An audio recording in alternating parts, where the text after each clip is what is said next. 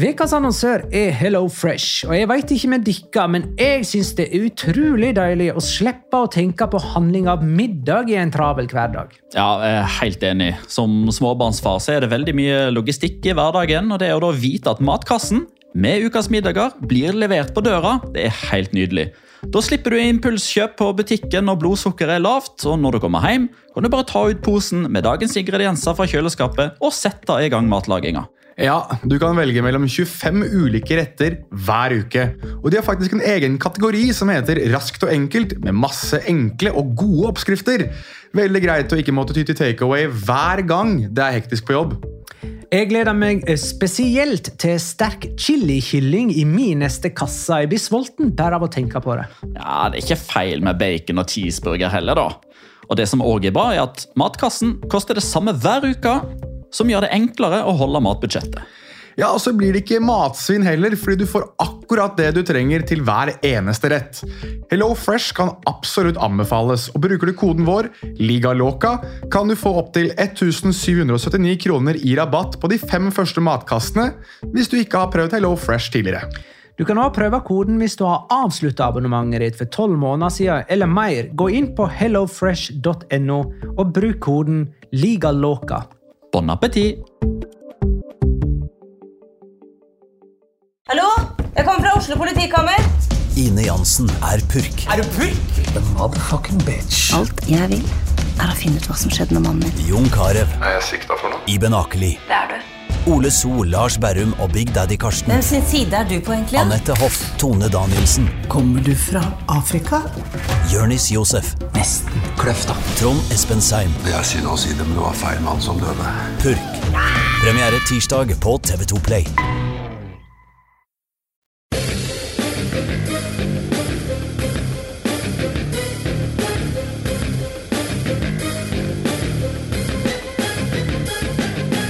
Har du sett? I en runde der Barcelona løfta trofeet etter å ha tapt mot Real Sociedad. En runde der nordmenn skåra både på Camp Nou og San Mames. En runde der Valencia slo Real Madrid og tok et langt steg mot fornya kontrakt. Der seira jaggu spansk rasisme nok en gang. La liga loca. En litt gærnere fotball. Ja, ja, ja, dette er La Liga Låka episode 252 av det ordinære slaget med Petter Wæland. Hei. Hei!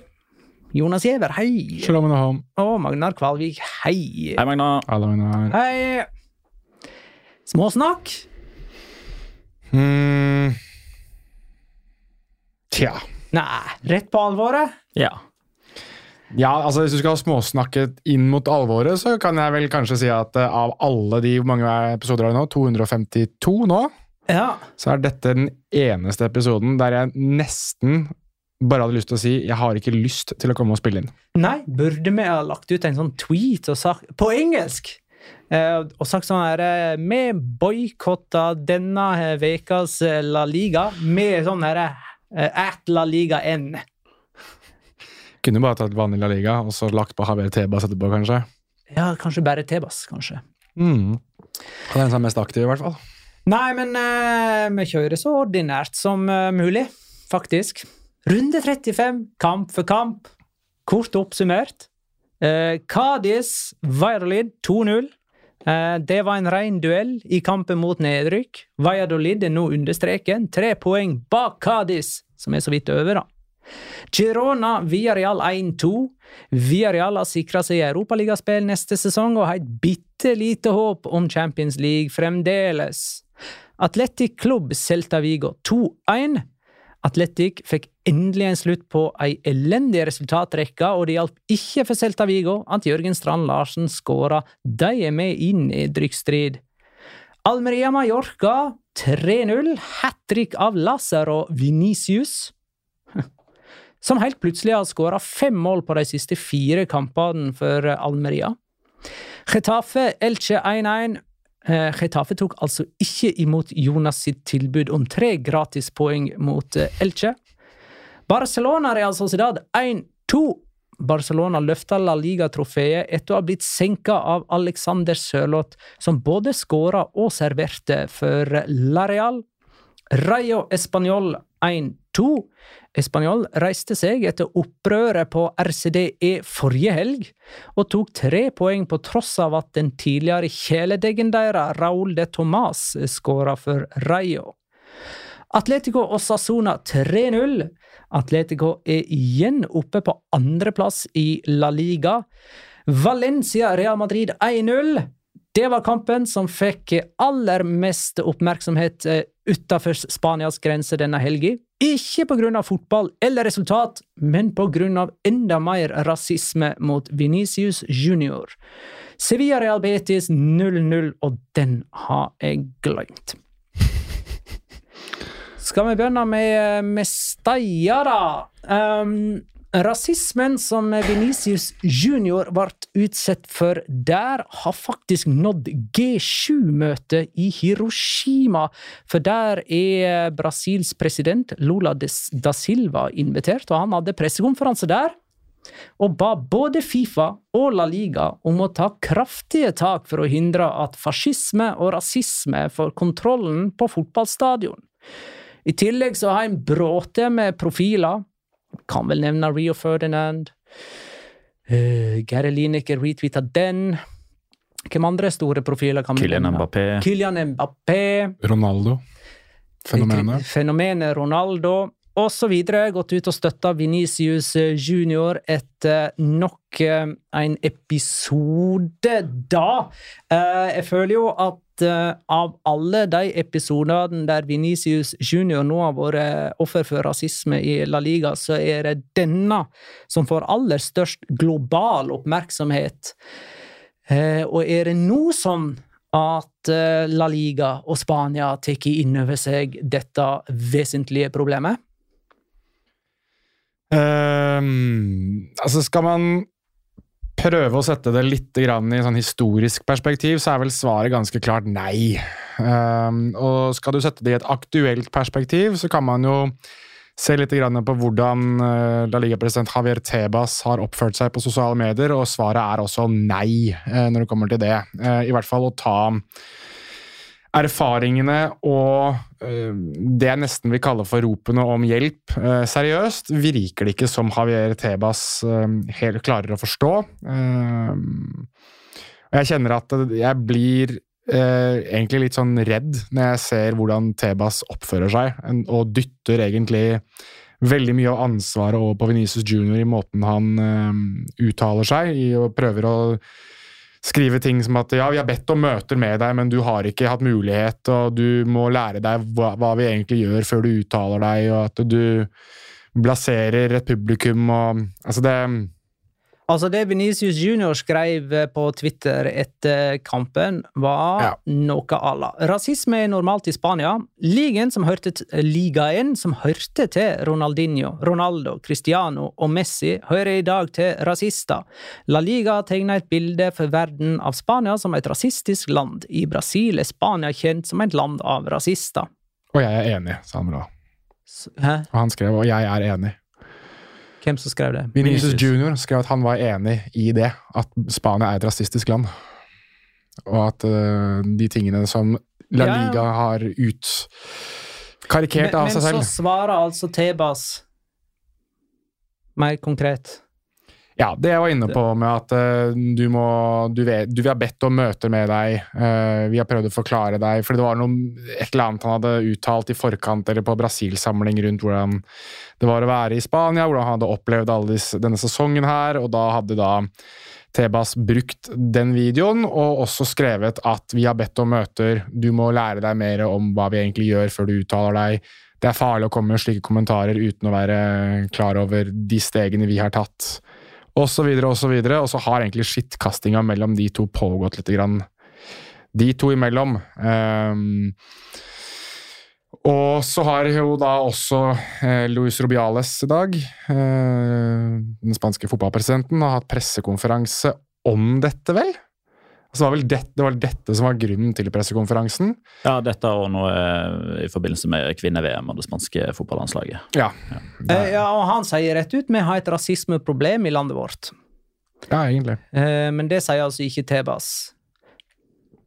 Nei. Nei, og det, og det er jo det store problemet med det som Tebas gjør. fordi altså, For å bli kvitt et problem, så må man først erkjenne at man har det. Og det virker som at det sitter ekstremt langt inne for Javier Tebas, som er langt mer eh, opptatt av at hans liga får eh, ripe i lakken, mer enn at han støtter Venicius 100 Eh, og det er, det, det er jo det som er det store problemet her, at hvis ikke den øverste lederen i serien som arrangerer ligaen der kampen blir spilt, hvis ikke han tar et større ansvar for det, hvordan kan han da forvente at alle andre skal gjøre det?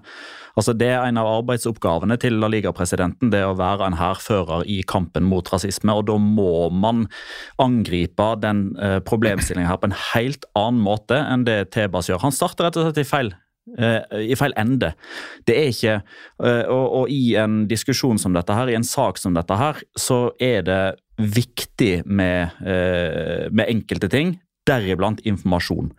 For alle må forstå eh, de, jeg, de, de må forstå retningslinjer osv. Det er helt riktig det som Teba sier, at eh, La Liga som organisasjon har ikke muligheten til å gjøre noe som helst, egentlig det, det, blir som at plutselig så skulle denne podkasten her bestemme seg for at ja, men vi utestenger de tre Valencia-supporterne. Vi har ikke makt til det. Det har heller ikke La Liga.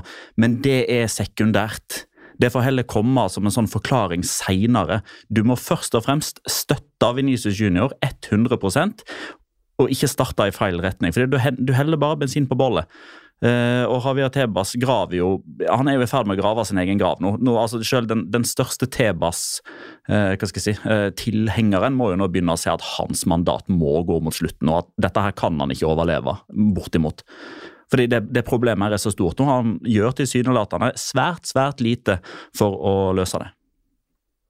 Ja, Ørjan skriver nå må det være nok for Javier, Javier TebasElle. Inn med en ny president til La Liga gang på gang legger skyldig på rasisme på offeret, uten at La Liga sjøl tar ansvar. Mer opptatt av å forsvare La Liga enn Venicius. Eh, Venicius eh, står i stormen her og legger ned en ganske Altså, han eh, kjemper denne kampen. Han har vel faktisk indikert i denne tweeten sin at han kan godt eh, kjempe den fra en annen plass enn Spania. Mm. Um, og det, den kampen kjempa han i en tid der informasjonsspredningen når raskere og lenger enn noen gang. Mm. Og i en tid der La Liga ønsker å være mer global enn noen gang.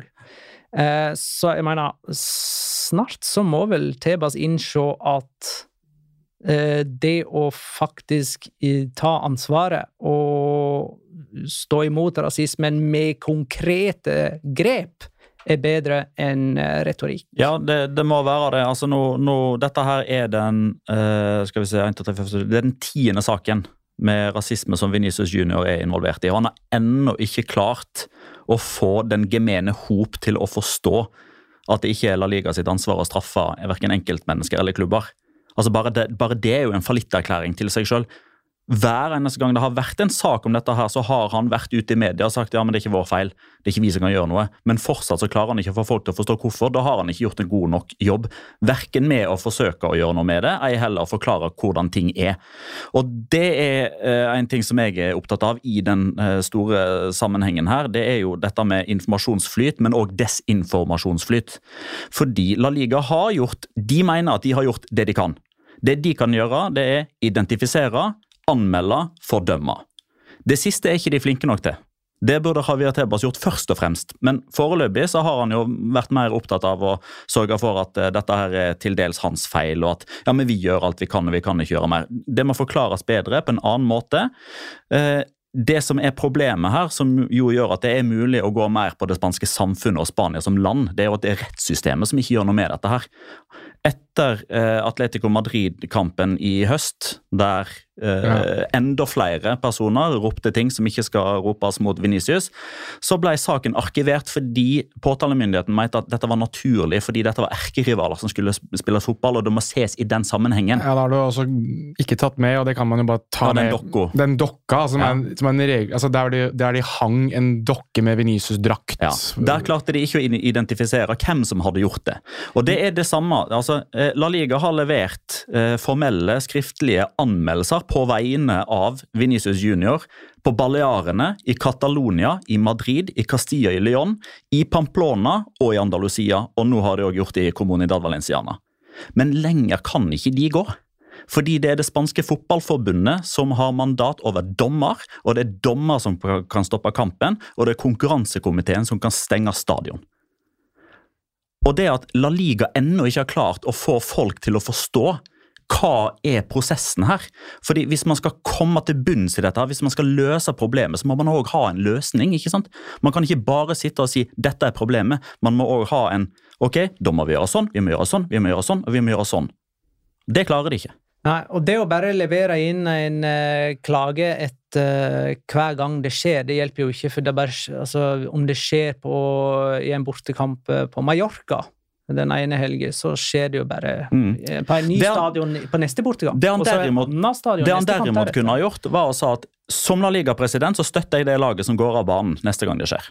Det kunne han ha gjort, for da fjerner det frykten for poengstraff. Man fjerner frykten for represalier.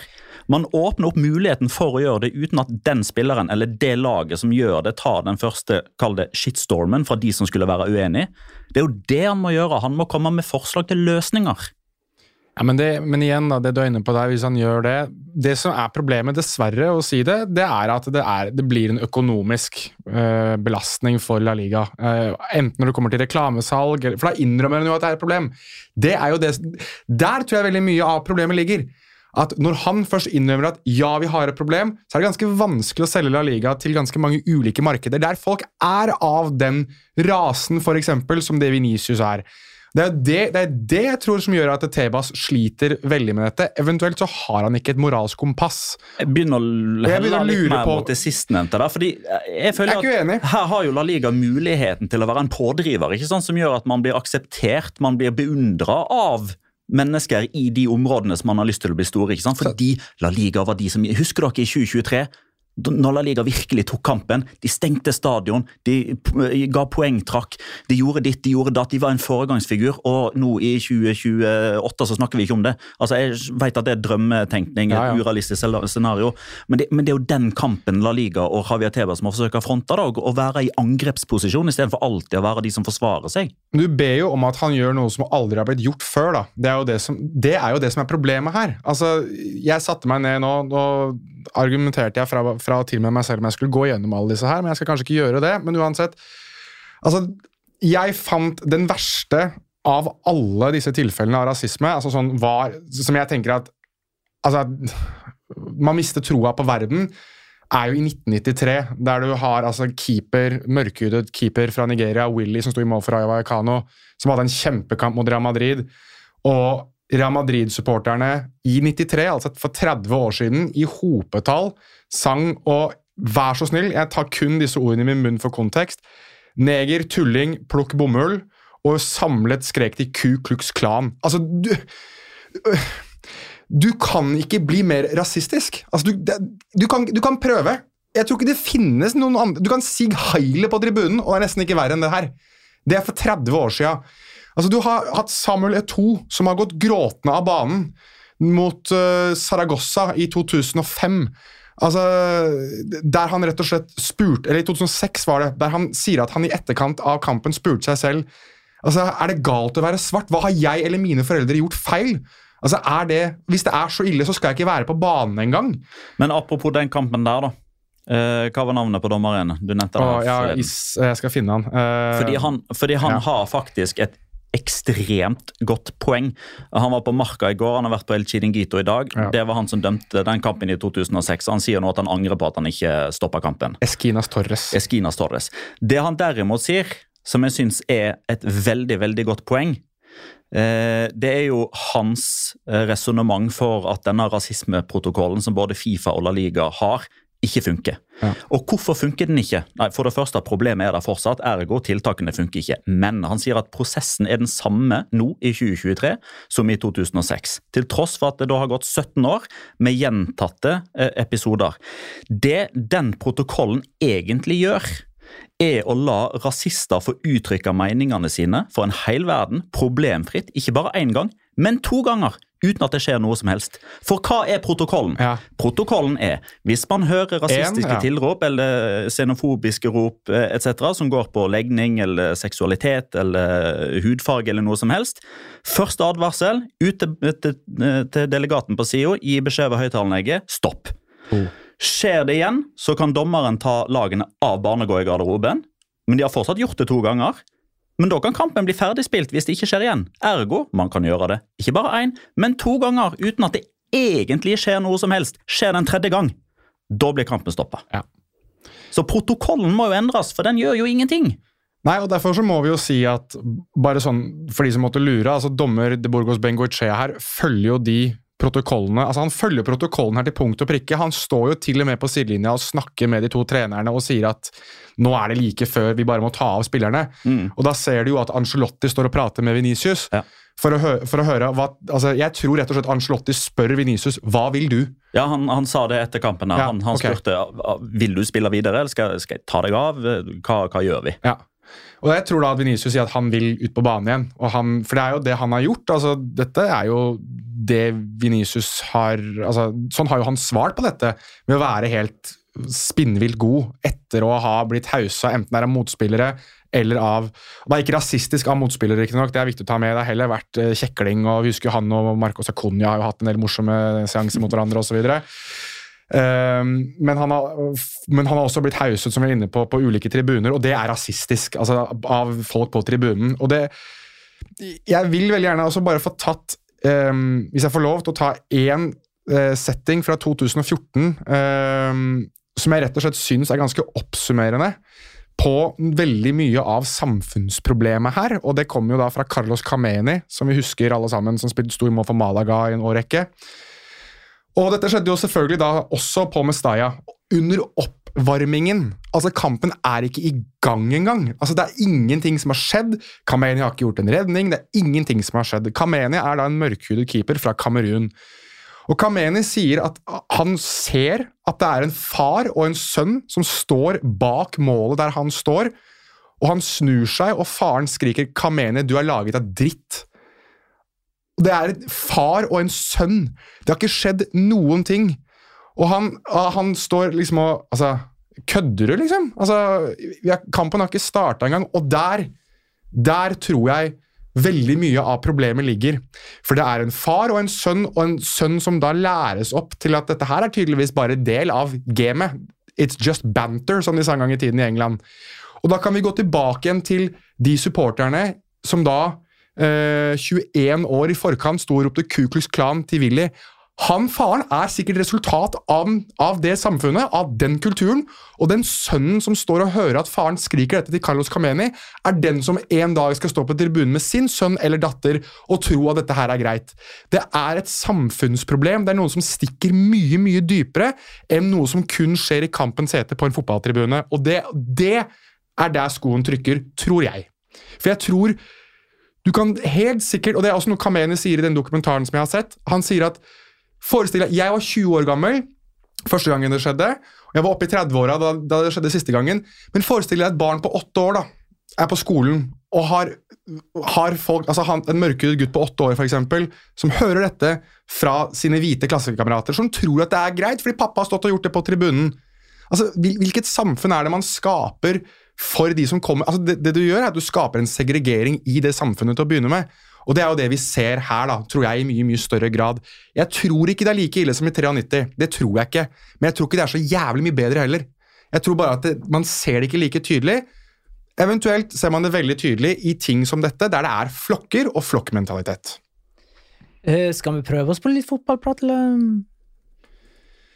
Altså, Vi kan jo prøve, men jeg syns, syns også vi skal kanskje eh, Hva har skjedd i dag? Altså, sånn, hvor står Jeg så at Florentino Perez og Real Madrid la ut en veldig kort snutt av at Perez og Vinicius Junior møtte hverandre, og at Real Madrid har sagt at de skal stå med ham til ytterste konsekvens.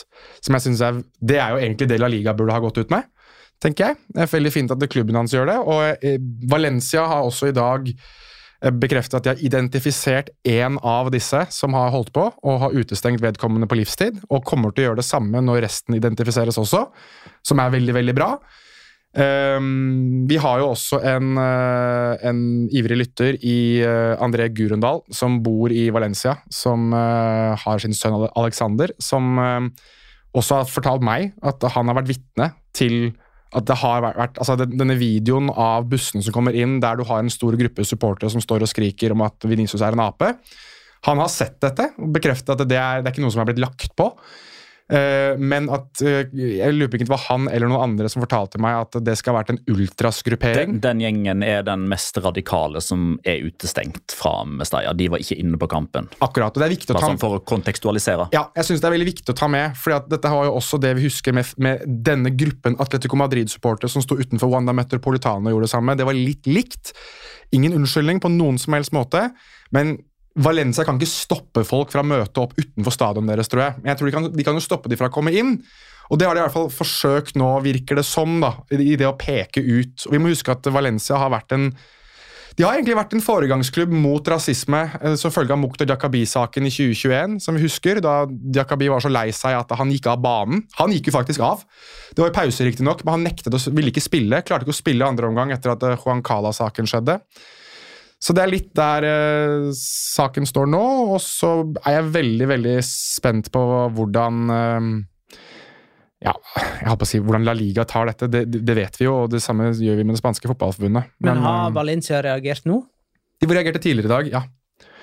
Om at de tar avstand fra dette, og at de kommer til å utestenge. og De har allerede utestengt én på livstid, og de kommer til å utestenge resten på livstid også, så fort de identifiseres av politiet. For det er Ja. politiet som må Ja, for nå er det jo en politisak, og Real Madrid har jo også formelt anmeldt dette, og Ja. La Liga har, har anmeldt det, men det er liksom det som er problemet, at alle driver og skuler på hverandre og sier skal ikke dere gjøre noe snart, skal ikke dere gjøre noe snart, skal ikke du gjøre noe mer, skal ikke du gjøre noe mer, og så er det liksom til syvende og sist så skjer det ingenting. Men det må skje noe snart. Det burde ha skjedd noe for lenge siden. Eh, og nå er det nesten sånn, eh, altså eh, når vi formulerer meg riktig her, for jeg håper jo ikke at det lag går av banen, fordi det betyr at det har skjedd igjen, men nå, nå er det jo nesten sånn at man er, man er ekstremt naiv. Jeg, av- jeg, avbryter deg, Ja. men jeg håper at hvis det skjer igjen, Ja. så håper jeg at noen går av banen. Sånn skulle jeg ha formulert meg. Riktig. Gå, Gå av banen. Ja, gå av banen. Gå av banen. Og da mener jeg ikke bare at det ene laget går av, da går begge lag av banen. Begge lag går av banen. Da går kapteinene sammen og sier at det, basta ja, nå er det nok. Nå går vi av banen. Dette her gidder vi ikke mer. Men det er jo også først da fordi altså, Folk som går på fot, fotballkamp, er jo i utgangspunktet fotballsupportere. ikke sant? Eh, Mange av dem. Ja, mange, jo, de, de aller fleste, Ja, vil jeg tro. Altså, ja. I går så var det 46 000 på Mestalla. Det er ikke 46 000 rasister. Nei, det er sånn. Det er det ikke. Det er i utgangspunktet folk som går der for å støtte Valencia. Så er det litt for mange idioter akkurat i går som gjør ting som de ikke skal gjøre, som de forhåpentligvis blir straffa for. Men hvis de da ser at oi, nå fikk det faktisk en konsekvens forrige gang det andre lagets supporter gjorde noe, så gjør det kanskje at Viadial-supporteren som har en sånn holdning i seg, kanskje velger å holde den inni seg neste gang, fordi han vil ikke at sin klubb òg skal bli ramma, på samme måte som kanskje Valencia blir nå med en stengt stadion, for eksempel. Kanskje det kan eh, styrke den indre justisen òg, for jeg mener hvis øh, de fleste av 46 000 ikke er rasister, så bør det være nok av folk til å si ifra til de som er det. Absolutt. Jeg er helt enig med deg. Eh, Xavi har gått ut og sagt det, det samme som dere nå. Eh, kamper burde stoppes eh, når spillere blir offer for eh, rasisme. Og han sa òg noe veldig fint, at det er jo ikke Real Madrid-spilleren Venicius som blir angrepet, det er personen Venicius. Og da handler det ikke om draktfarge, det handler ikke om klubbemblem. Da står alle sammen. Ja, eh, det er vel ikke bare den eh, personen rasismen er retta mot det går utover heller. Det er jo fornærmende for eh, folk som lever og har levd, og det er jo fornærmende for alle, Ja, ja, definitivt. Jo Mis, misforstå meg rett, men i dette tilfellet så var det jo Vinicius det retta Som mot. hvit, privilegert 43-åring å være vitne til rasisme. Ja. Som er blir jo alle ramma av det, liksom. Ja, og så synes jeg at eh, det, det var noe jeg også har, har veldig lyst til å si, at uh, hvis det er noen Hvis det finnes en trio i eh, et podcaststudio som snakker om spansk fotball, det finnes vel kanskje egentlig bare én trio i det landet her i hvert fall som gjør det, så er det, altså det er to uh, hvite menn fra Vestlandet, det er én uh, halvt marokkansk uh, kar fra Østlandet som er oppvokst i et hvitt hjem med en hvit mor, aldri vært i Marokko og kjenner knapt faren sin, så, så godt som norsk som det dere er. Vi kan ikke fortelle noen i hele verden hvordan det er å bli rasistisk utsatt, for det har ingen av oss på den samme måten som det disse spillerne som vi har snakket om, og som vi har snakket om flere ganger, Carlos Acapo, Inyaki Williams, vi husker Peter Gonzales, som var i Madrid unggutt, som opplevde dette. Daniel Alves. Dani Alves, Iñaki Carlos Williams. Kameni, Inyaki Williams. Altså, du har til og med en på kvinnelaget til Barcelona, husker jeg. altså Andressa Alves. Det de er så mange som har opplevd dette, eh, så vi kan ikke snakke om vår erfaring med det. Men vi som liker La Liga, eller elsker La Liga, og følger denne ligaen sikkert tettere enn noen annen liga, må også gjøre det veldig tydelig at altså først og fremst, vi tar den største avstanden i verden fra dette som pågår. Og det andre er at jeg tror forhåpentligvis ikke at det, at det eksisterer så lite internjustis i den spanske fotballen at man ikke faktisk nå ser at vi må endre noe. Noe må gjøres. For det er den største spilleren i den største klubben som nå går ut og sier at jeg klarer ikke mer. Dette gjør vondt. Jeg er et rasistisk land i en rasistisk liga. Hva, altså, det er et rop om hjelp, er det jeg ser fra Vinicius Junior. Han svarer, enten det er han eller et PR-team. Han har mest sannsynlig gitt sitt ok på det. Det må han jo ha gjort, for det er hans navn som står på dette her. Dette er et stort rop om hjelp. Det er sånn jeg leser det. Og hvis ikke han får den hjelpen, da lurer jeg på om noen kan bare slukke lyset, og så kan vi ønske god natt. Altså. Altså, da, da fortjener ikke La Liga å ha Vinicius i serien sin. enkelt. Nei, jeg er helt enig. Dette må, dette må være et før og etter i, i spansk fotball. Det må det. Eh, og så tar Ugo Doro kvelertak på eh, Ja, de har jo ikke kommet dit ennå. Dit. Junior. Men, men det der, det som du skal inn på nå, beklager I et forsøk på å slå seg løs, Ja, beklager, i men det er jo forstand der, altså, så får han rødt kort. Dette gjør det jo enda verre. Det er jo det, dette her tror jeg er det som gjør det enda verre. Og det verste er jo at igjen, da De Burgos Benguichea. Han gjør jo bare det riktige. Men Ja, han får jo bare servert uh, Han blir ikke spilt god av del videodommer. av- Nei, fytti katta, dette er dårlig videodømming. Ja, Dette er dårlig håndverk av Iglesias Villanueva og Polido Santana. Altså, hjelpe meg! Det er jo de som skal få kritikk her. Der er du jo utrolig selektiv i bildeutvelgelsen din. Ja, og det, det er jo Altså Jeg syns jo Ok, vi må eh, pace litt tilbake her. Vi har jo, eh, Og jeg mer enn noen andre har sittet i det studioet her, og det er selvfølgelig så skjer dette her. eh, har jo hylt og skreket om det, hvilken dommer tør å være den som viser ut Vinicius Junior. Og så ender vi opp her. altså I det, i det, det scenarioet her, da, så eh, føler jeg at ja, Vinicius Junior skal vises ut for det slaget, men det skal faen meg Ogo Doro for den kvelertaket også. Altså. Ja. Og potensielt Giorgio Mamardashvili også. Altså, Jeg satt jo så, jeg kommenterte Dortmund på det tidspunktet her, så jeg fikk jo ikke sett dette live. Jeg så det i opptak. Eh, og eh, jeg håper å si, Dette får jeg jo aldri verifisert, men altså folk som eh, følger det vi skriver i discorden, som du får tilgang til gjennom pigeon.com, de vet hva jeg mener om Ogodoro. Så når han kom inn der, når status var som det var, så tenkte jeg å ja, ok, så han skal inn og være fredsmegler, ja. Mm. Ja, det var eh, Men jeg er helt enig. Altså, igjen, da. De Burgos Benguechea får jo de bildene han får, og får beskjed om at det er det han skal titte på. Altså, han, Det, det synes jeg egentlig er det, det De Burgos Benguechea gjør her, som jeg syns er veldig sånn bra. Så fort det kommer til multer, han trekker seg vekk. han. Dette får jeg på øret uansett. Så han setter jo sin litt til at her er det et kamera som finner ut nøyaktig hva jeg skal se.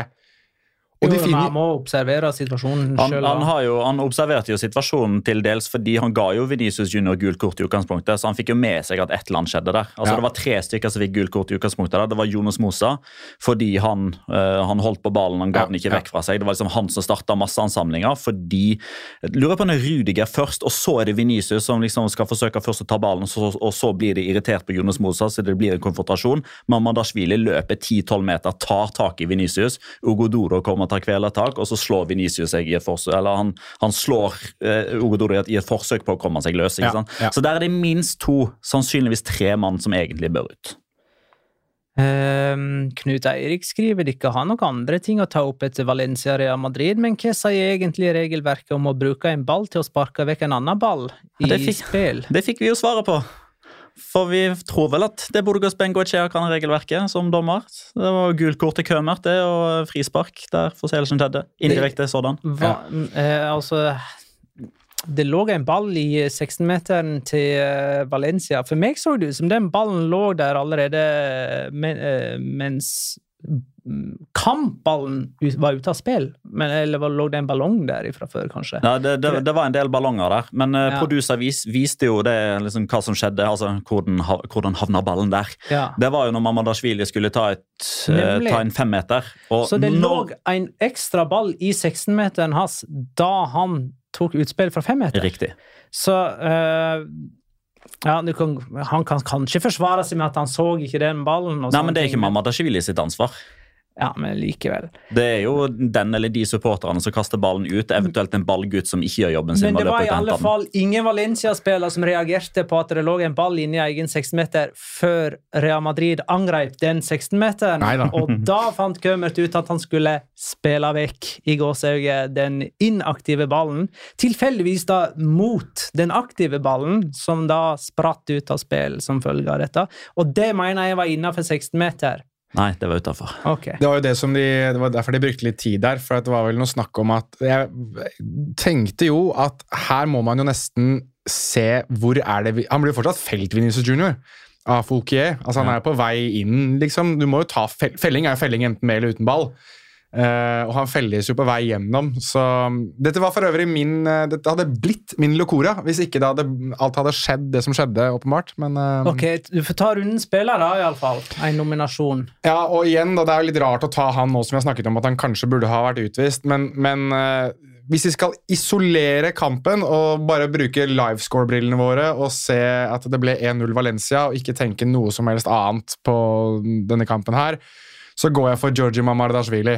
Um, og det har litt å gjøre med at en del av de redningene han varter opp med i den kampen her, er altså noe av det villere jeg har sett denne sesongen. Altså, han er oppe i krysset og henter, er aleine med Benzema én mot én og vinner den. Som jeg skrev i discorden, som du får tilgang på gjennom Loca, så har jeg tatt den, jeg òg. Eh, så mener jeg at altså, han måtte nesten på sokkel utenfor Mestalla etter den kampen her. Altså, han, han har så mange enorme redninger. Um, så han får min nominasjon, selv om jeg hadde en annen eh, som vi sikkert skal inn på etterpå. Um, lenge, men uh, Mamardashvili får den for meg. Men kan jo nevne at Diego Lopez ble matchvinner for Valencia i denne kampen, og at de siste tre seirene, i de siste tre seirene til Valencia så har en Canterano blitt matchvinner. Javi Guerra mot Valladolid, Alberto Mari mot Celta Vigo og Diego Lopez Mm. mot Real Madrid. Da kan også ta, siden det har vært folk som har stilt det spørsmålet, ser jeg. Eh, Jeg tittet jo litt på spørsmålene før vi skulle inn hit, litt sånn av frykt for hva vi skulle prate om. Eh, 30,- 39,2 er den poengscoren som har eh, garantert eh, La Liga-spill de siste fem sesongene i, eh, La Liga. Valencia står nå på 40. Så det er jo da Hvis vi skal bare ta det der femårsperspektivet mm, til etterretning, så er jo Valencia safe. Um, Men det er det ikke. Nei, jeg tror fortsatt de rykker ned, men uh, deg. Men uh, jeg, jeg anerkjenner at de men, jeg, men for å ta det, da. uh, akkurat det der denne mandagen her syns jeg er sekundært. Jeg syns det er mye viktigere ting å snakke om og diskutere og hause opp eller hause ned eller lage Men nå program skal vi snakke om at Real Sociedad slo Barcelona på kamp nå med 2-1. Er det første Real Sociedad-seier mot Barcelona siden 1991? Ja. 27 offisielle kamper ja, på kamp nå, da. Ja. Eh, tok det for Real Sociedad endelig vant der igjen. Da òg var Barcelona allerede mester da kampen ble spilt. Ja, Så det er det som må til. det Det er kryptonittet som eh, må til. Eh, Magnar Katla skriver Sørloth er i slaget. Blir han i La Liga neste år? Syns jo det er fryktelig gøy da, at etter at jeg stilte spørsmål rundt det, så har bare Sørloth uh, kjørt en 360 fuck you direkte i ansiktet mitt. He took it personal. Ja, han t- Damn right he took it personal! Som, som Michael Jordan så tok han det så personlig han bare kunne. Dette, dette var jo han jeg hadde som rundens spiller for meg før uh, Mamardashvilis uh, maktopptreden, men eh, Målgivende til Mikkel Merino, og så eh, Han rakk å bomma nesten på åpen mål, som i cupkampen tidligere. Var ikke det på, i Jo, cup det det. Copa del Rey? Ja. Um, Det var vel før så- han det- endelig skåra, da. Det var vel som Mr. Chip eh, oppsummerte. Alexander har skåret mot Barcelona, det var faen meg på tide. Elleve mål har Sørloth nå i La Liga denne sesongen. Eh, Real Sociedad har vunnet alle kampene han har skåra i. Eh, Ti stykker. Han har skåra i ti La Liga-kamper, men han, eh, de har vunnet i eh, cup og Europacup òg, når han Mm. har skåra.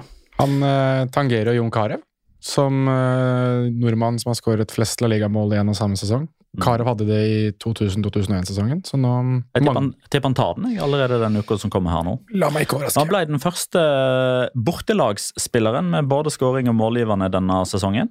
Eh, For så vidt Det er altså Sociedad første laget som skårer to, så det, det kunne jo bare vært en Real Sociedad-spiller. Første siden Luis Suárez, og ja, det er han Luis Suárez, ikke han eh, First Price-utgaven fra Colombia nede i Almeria. Det var i februar 2022. Mot Barcelona, ja. Ja, på Camp Nou. Bortelagsspiller på Camp Nou. Ja. Det er ofte mot Barcelona, det. Som regel. Ja, var det fint å se Barcelona feire trofeer. Eh, altså, spør du meg, så er det noe tamt med det å løfte trofeet tre runder før slutt, rett etter at du har tapt en heimekamp. Men uh, sikkert Ja, kjekt for alle de som uh, Og hatt bussparade i tillegg. Så jeg og tenker sånn, gjort ja. alt det der, ja. Og hatt leikering allerede på Kornialprat og bli kjeppjaga i garderoben der. ja Jeg fikk litt sånn uh, Husker dere da Rosenborg holdt på å bli uh, altså gå ubeseiret gjennom en hel sesong? Så tapte de siste hjemmekamp mot Start eller noe sånt. ja. Så hadde de Åge Aleksandersen ute på matta som sto og sang bildet Tony Ivers, og alle sammen skulle være med og synge, og du kunne bare se på samtlige spillere at de ville være andre, alle andre steder ute på banen der. Det er litt sånn jeg følte med en del av de Barcelona-spillerne også, at det var liksom litt sånn Dette her er ikke så jævla fett, ass. Men jeg syns eh, i foranledninga, altså det som, det som skaper skåringa til eh, Alexander eh, Sørloth der, der, der føler jeg Der har du sånn Ok, der overtok Martin Subimendi posisjonen til Sergio Busquets. Med måten han tar ballen fra Frenke de Jong, setter i gang angrepet. Sergio Busquets løper det han er kar om å få gul kort for protester etterpå fordi han mente det skulle være frispark. Det var skjæringspunktet. Der gikk Subimendi forbi. ja. Eh, Sevilla Real Betis endte altså 0-0. Eh, Er det første gang på hvor lenge? At det blir målløst der? Ingen som hadde det for seg, så det er greit. Eh, Skal nesten gå glatt videre fra den kampen her, for det var ikke så fryktelig mye å snakke om. Nei, men altså, Sevilla kan vi jo snakke om siden eh, vi ikke har hatt en bonusepisode etter at de gikk videre. Ja, greit. i Desember Europa- 2015. Ja, det er sant. Det er lenge siden. Eh, jeg kan jo nevne at eh, Miranda tok ansvar og satte fyr på oppgjøret med å skaffe Real Betis sitt obligatoriske røde kort på tampen. Han eh, båra noen knotter eh, ned langs hele leggen på eh, Navas. Fire røde kort har det dermed blitt på to derbys. Tre av de røde har gått til Real Betis. De insisterer liksom på å ha ett rødt kort mer enn Sevilla hver gang de møtes. Um, Han er for øvrig ute og beklaget seg på sosiale medier. han har beklagd det. Det er greit. Registrert, notert. Uh, ingen kjærlig applaus for Joaquin på Ramón Sánchez Pijuan. Eh, med Hva er det vi spådde der, egentlig? Jeg eh, trodde jo han kom til å få en kjærlig applaus på alle stadioner. eh, og at dette skulle bli en slags æresrunde for han de siste rundene. da. Jeg tror jeg hadde det samme som deg, men jeg tror også vi endte på at sånn egentlig så er nesten det beste for Joaquin er å bli bua og pepet på. At det er liksom typ last sign of respect. At Ja. du er vår evige fiende, på en måte. Jeg så, jeg så i et intervju med en eh, Og det var en bestefar. altså Han var type 80, og kanskje til og med oldefar. Han sa det. vi altså På Ramón Sánchez Pitruan, vi applauderte ikke Messi engang, og så forventer du at vi skal applaudere Joaquin. Det var svaret han ga til reporteren. Og ellers så var det jo eh, Serie A-kjenningene Soso og Lamela som senka Juventus, da. I eh, Ja, på torsdag, i semifinalen i Europaligaen. Det blir en annen Serie A-motstander i finalen, altså Roma. Mindelibar mot eh, José Mourinho. Europacupkamp nummer 265 og 5.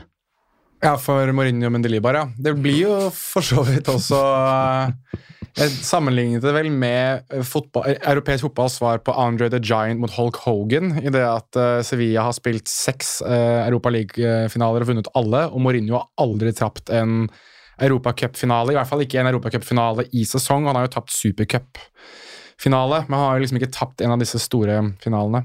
Det er jo litt det som var med Andre mot Hogan. Hogan var regjerende verdensmester, og Andre the Giant hadde ikke tapt på ti år. Eh, Hogan vant, for øvrig, så vet dere det. Men hvem er Hogan? Sevilla eller Roma? Ja, det, det kan jeg fortelle etter kampen. Eh, Viktor Hallnes lurer på om noen kan forklare hvorfor Europaligafinalen skal spilles før Conference League-finalen. Det fikk han svar på sjøl! ja, det var et veldig... veldig godt svar. Ja, hva det var? Det står Jeg kan finne spørsmål. Men Vil du at folk skal gå inn og lese og svare på Twitter? Nei, men det var en herremann som eh, Eller Ja, det kan altså, være en kvinne. som Det, det, skal, det, skal spille, det skal spilles tre finaler på løpende bånd. eh, og han henviser, Jeg vet ikke om han henviser til forskning, men det er i alle fall liksom oppløst og vedtatt at da bør altså dritten i midten Altså altså Den minst interessante bør spilles i midten. Du sparka i gang finaleveka på en måte med Europaligafinalen. Ja. Sånn at eh, da, da har folk liksom litt interesse. Så gjemmer du det minst interessante i midten, og så Og avslutter du, runder du av med den store. Footcalc.com, at footcalc, eh, som skriver på norsk, eh, handler nok om å maksimere pengestrømmen rundt kampene. Hvis man har tre arrangementer etter hverandre, vil statistisk sett det midterste ha lavest interesse. Derfor tror jeg de har plassert Conference League-finalen i midten. Mm. Ingen har spilt så mange 0-0-oppgjør som Betis i La Liga denne sesongen. Never watch Betis, som vi sier. De har seks målløse oppgjør. Eh, vi hopper videre til Nå blir det Atletico Madrid mot Osasona. Den endte 3-0. Eh, det betyr at Atletico går forbi Real Madrid på tabellen og er nummer to. David S skriver at vi har sikkert nok å snakke om i dag, men om dere vil snakke om noe uventa, så ble Saul MVP i går. Han skåra. Mm. Han har skåra i begge kamper mot Osasona, og det, de er de eneste han har skåra mot. Antoine Griezmann hadde målgivende og, og oppe i 14, mens Angel Correa kom inn og skåra, og har gjennom sin tid som Atletico-spiller i La Liga skåra 20 mål som innbytter, det er flest i deres historie.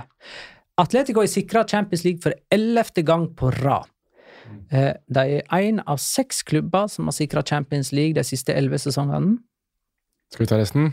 Mm. Real Madrid, Barcelona, mhm. Bayern, City, PSG. Napoli.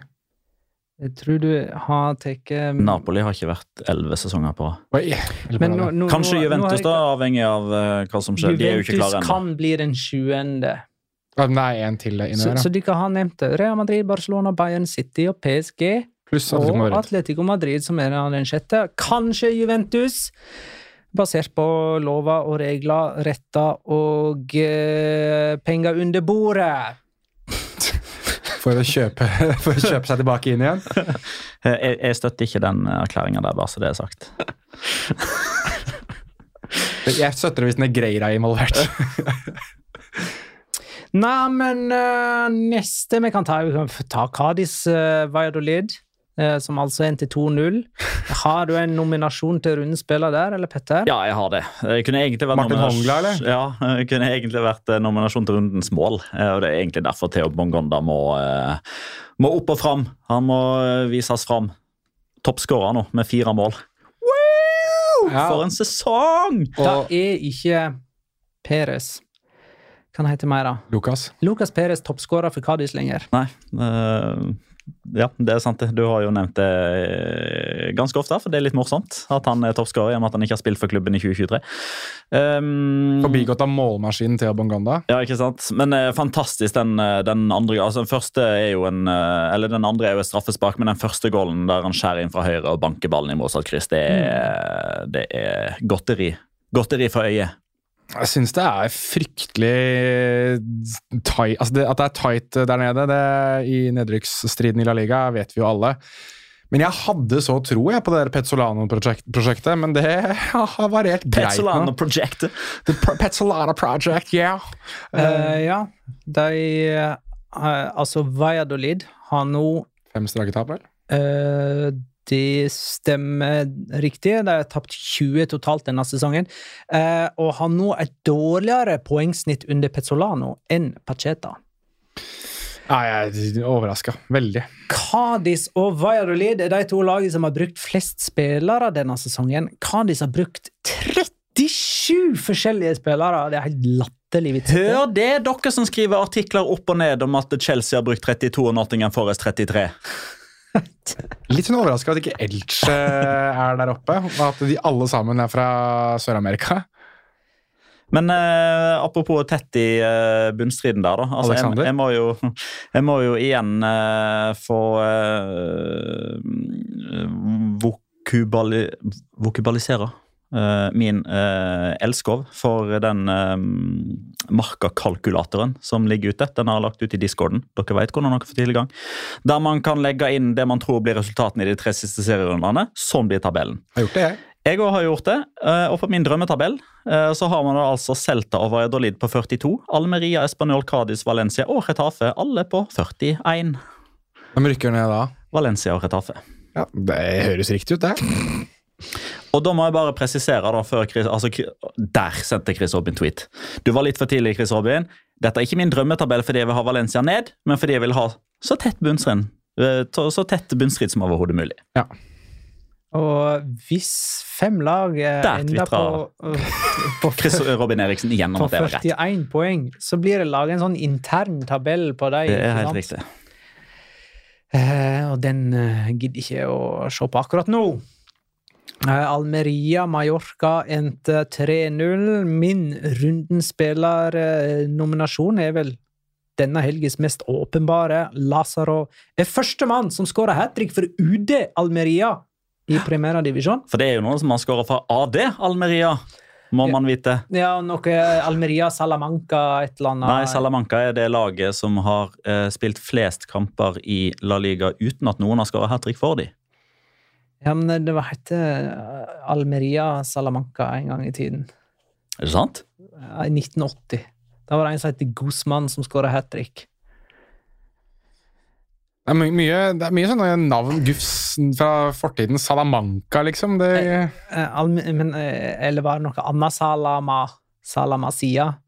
Salamasia? Salamurcia. Det ville Murcia er vel Nei, det er ikke så fryktelig nærme det heller, egentlig. Jo, Morsia er ganske nærme, men Salamanca er langt unna. så Det var det, var det som Ja, overraska eh, meg. Men jeg er usikker, jeg er usikker på det. Nei, altså, ta og sjekk Altså, eh, Før UD Almeria så var det AD Almeria, altså Agrupación Deportivo Almeria. Det var uh, stifta i 1971. Ja. Helt fram til 1982. Ja, nei, jeg får sjekke opp den uh, på nytt. Mm. Eh, men i alle fall for UD Almeria var Lazaro den første som skåra hat trick i Primera, og ingen kamper er så målrike som Almeria sine. Det har blitt skåra 107 mål på deres 35 kamper. De har sluppet inn 61 og skåra 46. Almeria er i nedrykksstrid og har igjen både Valladolid og Español. Eh, så med tanke på dramatikken og det at eh, Almeria sine kamper er så innmari målrike, så er kanskje Kanskje det er Almeria vi må se de siste. Eh, quiz.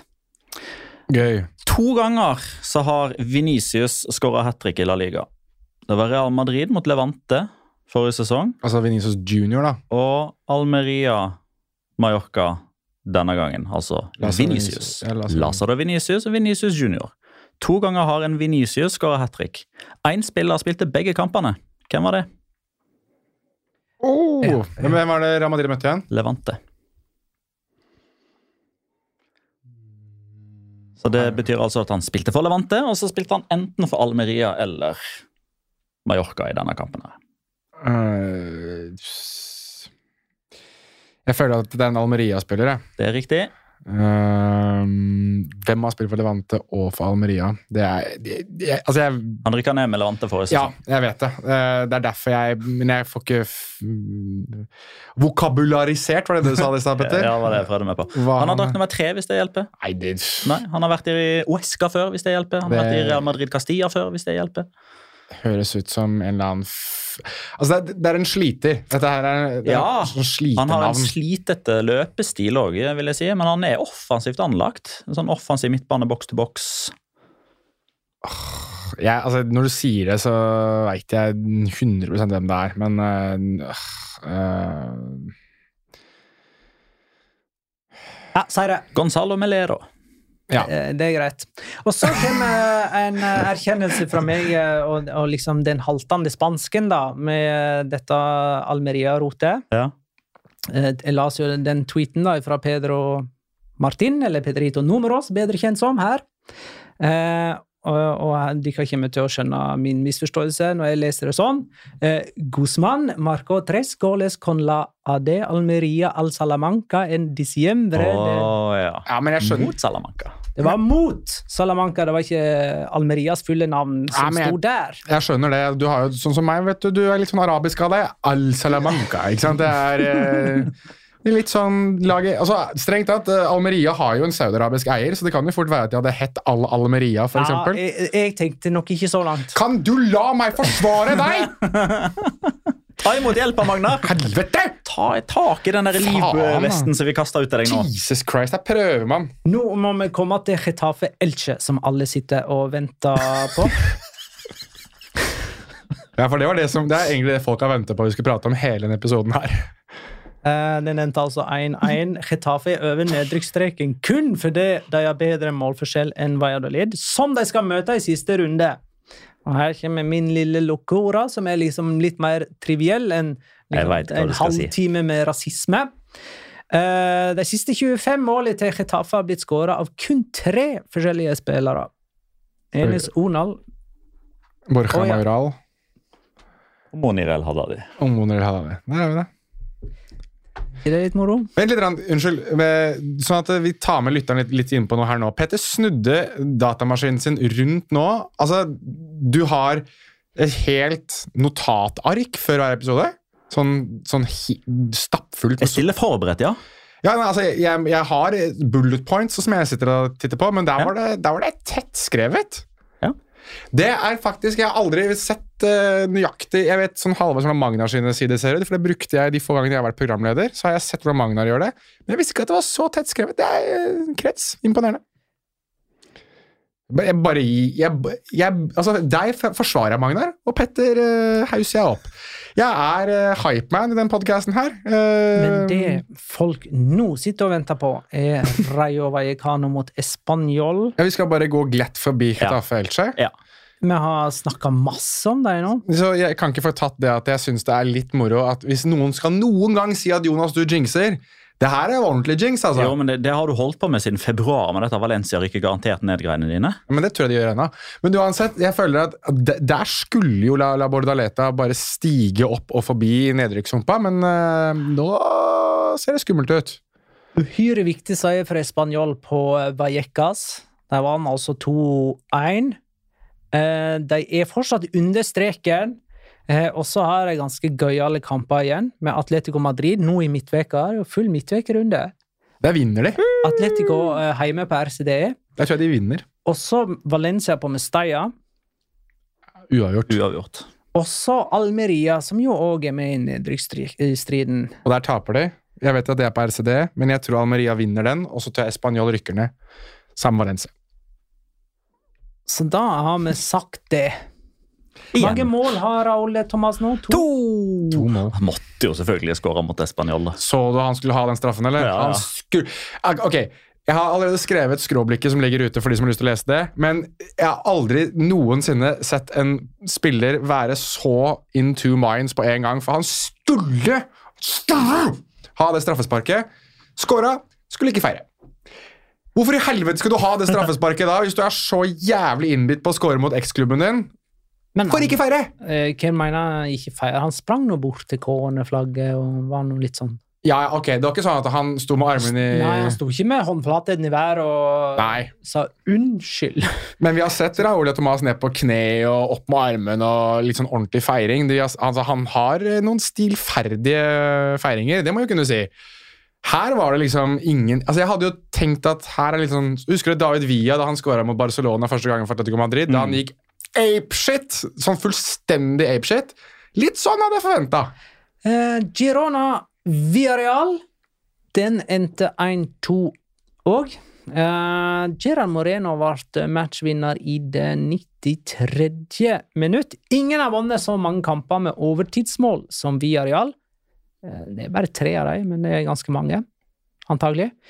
Eh, Villarreal har 60 poeng, og så mange poeng tok de ikke i løpet av de to fulle sesongene under Emery.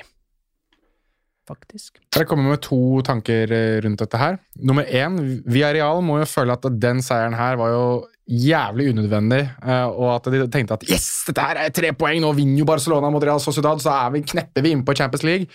Det er det ene. Og det andre er Gerard Moreno har en sånn tendens til å komme tilbake, skåre et mål, og så før Og så har vi rukket å bli gira. Når vi rukket, nå er han tilbake, nå har endelig Villarreal fått seg et spill. Skader han seg. Ble han skada nå? Nei. Nei, men det, Nei, nei, men det, Han rakk jo ikke det. Han skåra jo på overtid. Klokka, klokka er skal vi se, hvor mange det er, klokka er 18.11 mandag 22. mai. Tipper at eh, skal vi si 14.13 tirsdag 23., så får vi en kommunikator offisial på at han har skada seg. Oh ja, så det er ikke den store nyheten som kommer rett etter at vi har stoppa opptaket? eh, Det er at det er at Teba strekker seg. Det er at Teba strekker seg. Ta Følg litt med på Twitter nå de siste minuttene, sånn at vi får med oss den store nyheten. eh. Det, Casemiro har gått ut og backet Venezia Junior. Fikk jeg opp her nå. Første som fikk opp. Det var, Eh, det var for øvrig to målgivende av Nicholas Jackson i denne kampen. Nå er vi forbi alle ti. mm, Ja. Det er vi, og vi Nei. har, vi glemt, har jeg glemt en kamp? Stakkars Jørgen, Jørgen Strand ja, det må vi jo nesten ta med. Hallo! Hallo! Atletic Club Celta Vigo 2-1. Ehm, ja, Jørgen Strand Larsen skåra på samme Og nå har han fire, han kommer til å stoppe på fem, og neste sesong så blir det tosifra. Neste sesong blir det Sånn, tosifra Skal vi se Det var ikke vi som glemte det, det var Magnar.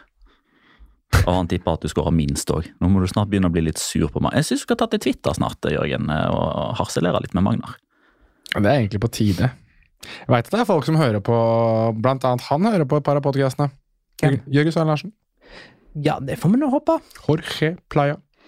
Uh, kan ikke han da, hvis uh, Hei, Jørgen, hvis du nå hører på. Kan ikke du gjøre min spådom til skamme? Uh, for da han skåra sitt første mål i januar, var det så seint? At det første målet kom? Det kom vel før uh, pausen? Nei, var i januar. Jeg var i uh, San Sebastian.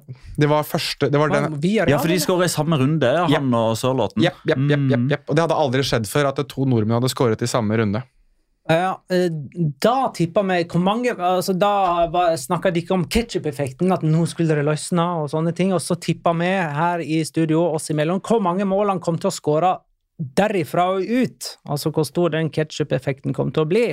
Og da tippa jeg fire, og nå har han tre. Eh, Petter tippa ti og Jonas åtte. Ja. Så han Ikke skål mer med Han har nå. liksom forrykende siste runder da, for å nå opp til Petters spådom, i alle fall.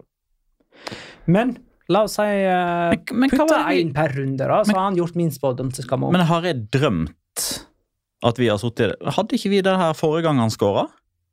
Ja, Med hvor mange mål vi spådde? Da spådde jo jeg fem. Du hadde mest, da, og Magne jo, hadde jo, to. men eh, jo uh, for det er den, det er den jeg er nærmest på. Det er jo den jeg vil snakke om nå. det, det er greit. Uh, for det var nemlig spådommen da han signerte. Hvor mange mål kom han til å skåre gjennom hele sesongen? Ja, ja, så Vi kan ikke justere tabelltips og Nei, du kan, ikke, du kan ikke det, nei? Nei, det kan vi faktisk ikke, Petter. Men sånn, fra sesongstart så tippa jeg to mål på han. Petter fem, Ja, der har vi det. Jonas sju. Så hvis han skårer ett mål per gjenstående serierunde, så får Jonas rett. Så la oss tro på den ketsjup-effekten, da. Jørgen Strand Larsen ble matchvinner. Han skårer kampens eneste mål mot Barcelona i siste serierunde og redder plassen til Celta Vigo. Der har du det. Men i denne kampen det er jo litt, er ikke det litt kult at eh, vi har nordmenn som skårer på ærverdige Mes og Kamp nå i samme runde? Jo. Det, Det har ikke skjedd før. Nei. Historisk. Det er ganske kult. Men i denne kampen så skåra òg Njaki Williams, som endelig har nådd tosifra denne sesongen. Det er første gang siden 18-19-sesongen. Da skåra han 11, som er personlig rekord. Nå har han altså eh, 10. Celta Vigo har én seier på siste ni. De har tapt fire på rad. De kan rykke ned. Sånn. Tror vi at de rykker ned? Jeg tror vel egentlig ikke helt det. Tipper ikke er de på 13.-plass. nå er de på 15., så jeg, sånn, per nå så har jeg faktisk overvurdert dem. De har Girona hjemme, Cádiz borte og Barcelona hjemme. Vil dere vite noe gøy, for øvrig? Valencia akkurat nå er nærmere tolvteplassen enn de nedrykk. Bare sånn, Ja, altså, jo, men Det blir jo nummer tolv. sånn til, Så de er til, fire poeng bak Mallorca. til info. Bare Jeg noterte meg det nå mens jeg titta litt her nå. Eh, Valencia er faktisk nærmere tolvteplassen enn de er nedrykk. Så, men jeg, den kampen som jeg tror folk for øvrig, bare for å ha kommet med en liten sånn preview til resten av sesongen Ring dere ut uh, siste serierunde. Ring dere ut uh, Valladolid mot Getafe. Den tror jeg kommer til å bli avgjørende. Der tror jeg ett lag rykker ned, og ett lag eh, overlever. På José Soria. Er det sånn at kampene til helga ikke enda er helt fastsatt sånn klokkeslettmessig? Det er jeg litt Petter vet kanskje det bedre, men det er vel faktisk mulig at det er klubber som rykker ned da. Jeg, jeg tror vel, hvis alle resultater f.eks. går mot Español, tatt i betraktning at de også taper nå i midtuka, så kan de vel rykke ned. Til helga så kan de rykke ned, ja. Ja. Ingenting kan skje i midtuka. Eller er det sånn uh, at alle går klokka 19 på søndag? Eller På søndag så går alt samtidig. Ja, Bortsett fra Sevilla og Real Madrid, som går lørdag. Ja, men der er det ingen Nemlig. Ingen kan vinne noe der, holdt jeg på å si. Ja, Sevilla kan jo havne topp sju, da. Så jeg syns Ja. det er litt rart at den blir flyttet. Og, Men da det må er si. det, da er det bare to kamptidspunkt kommende helg. Uh, og da, da tippa vi på Valencia Español hjemme. Men eh, hva var det du sa for noe, Petter? At du syns det var rart at eh, den ble spilt på Jeg syns det er rart at de trekker Sevilla ut av runden. vet Du, du vet hvorfor, ikke sant? Ja, Det er jo pga. Europa League, men altså, den blir jo spilt på onsdag. Jo, jo, men uh, du passer jo på at de får så mye hvile som overhodet mulig. Ja, men Du passer jo ikke på interessen til de 19 andre klubbene, eller de fire andre som kjemper om å bli nummer sju. Da gjør jeg eh, Ingen ser dette, men du kan si hva jeg gjør nå. Du Hva gjorde jeg? Du trakk på skuldrene. Helt riktig. På skuldrene heter det. Husk, Forrige kamp vi tippa på husk at det er det som er ligapresident. Inntil etter episoden, for da ryker han. Eh, Forrige kamp vi tippa på, var Sevilla Real Betis, som endte 0-0 uten målskårer. Jeg hadde 2-1 og eh, Juan Hordan, faktisk. Troppen, vel? Eh, Petter hadde 2-2, og eh, Borja Iglesias får jo ett poeng for å ha uavgjort. Jonas hadde 3-1, og Josef Enesyri. Totalt så har jeg 35, Petter 28 og Jonas 19. Neste kamp er altså Valencia Español. Jeg sier 2-1 og Kløyfert. Nei, uh, Gerra. Det er jo selvfølgelig en av disse her. Du tror det er en av kidsa? Mm. Jeg tar eh, 1-1, jeg og José. Faen i helvete, da! Ja, er det 1-1 du tror du òg, da, Jeg skulle, si, jeg skulle si 1-1 Joselo, men jeg får gå 1-1 Breathwaite, da.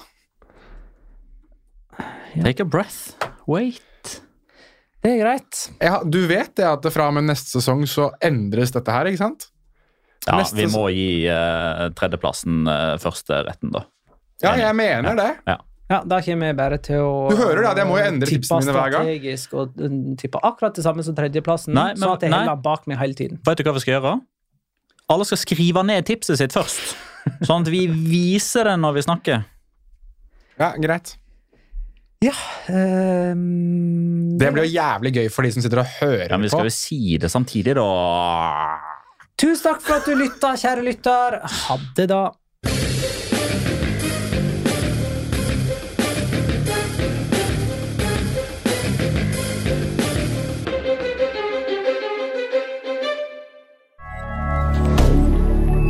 Media.